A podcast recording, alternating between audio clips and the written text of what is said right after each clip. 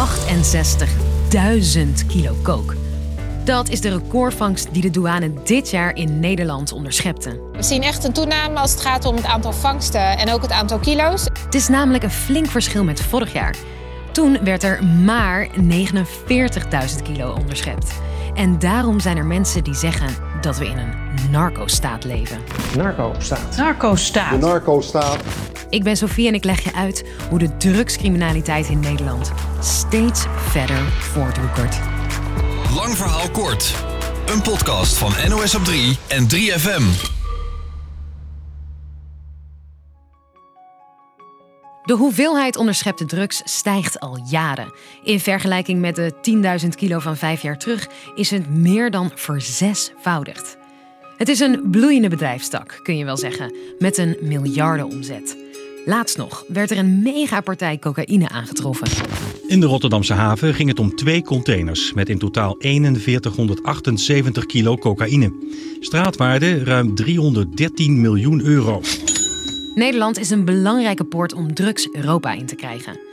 De douane zegt dat het steeds beter lukt om meer drugs te onderscheppen, doordat ze weten welke ladingen uit welke landen een risico vormen, bijvoorbeeld. En al werken ze steeds effectiever met drones en duikteams, denken ze ook dat er simpelweg veel meer drugs naar Nederland komen. Het grootste deel uit Zuid-Amerika. Er zijn grote drugsvangsten gedaan in bijvoorbeeld Panama en Colombia. Bestemming? Nederland. De drugs zijn afkomstig uit de haven van Guayaquil in Ecuador.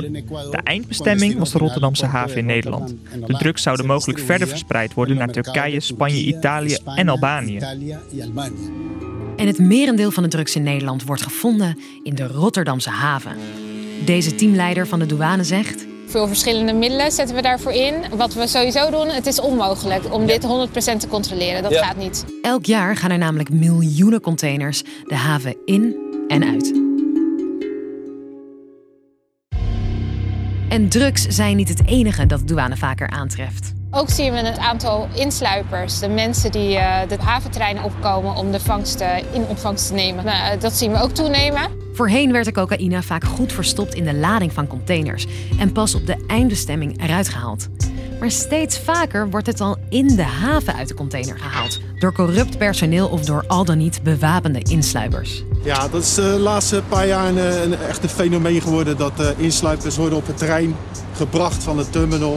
Daar hebben hun de opdracht om uh, verdovende middelen uit containers te halen. Dit is de commandant van een speciaal team dat zoekt naar dat soort insluipers. Die een plaag zijn geworden en voor weinig terugdeinzen. Maar, zegt de commandant... Ja, uithalers laten zich niet snel meer pakken, zijn bereid uh, om uh, met name fysiek uh, geweld te gebruiken om, om te ontkomen. Daaraan merk je gewoon de hele verharding, maar sowieso in de hele drugscriminaliteit. En die verharding zet door in de samenleving.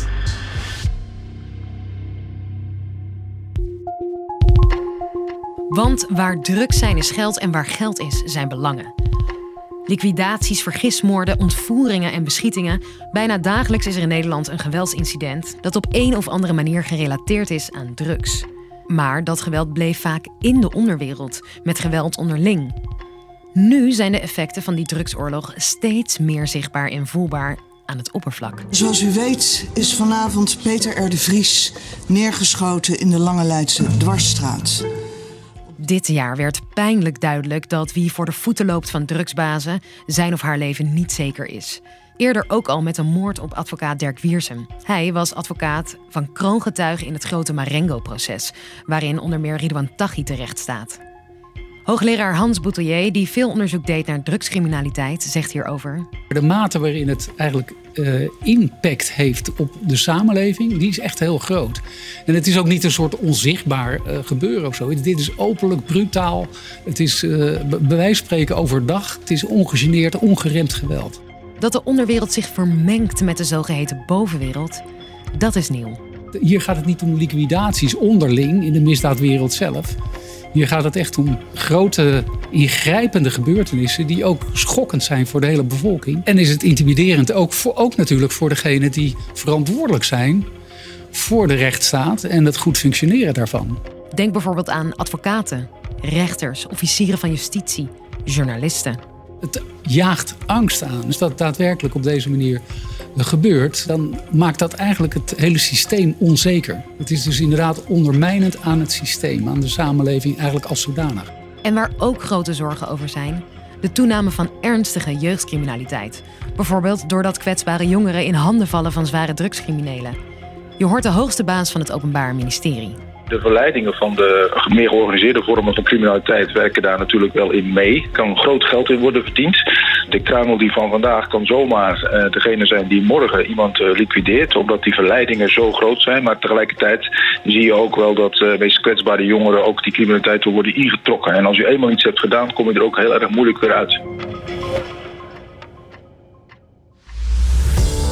Dus, lang verhaal kort. Nu aan het einde van het jaar kunnen we de balans opmaken. Het is duidelijk, nooit eerder trof de douane zoveel drugs aan. Nederland is een spin in het web van de georganiseerde drugscriminaliteit. En de effecten daarvan woekeren door de haarvaten van de samenleving en blijven niet langer binnen de criminele wereld. Elke werkdag zijn we er met een nieuwe lang verhaal kort. Bedankt voor het luisteren en tot morgen.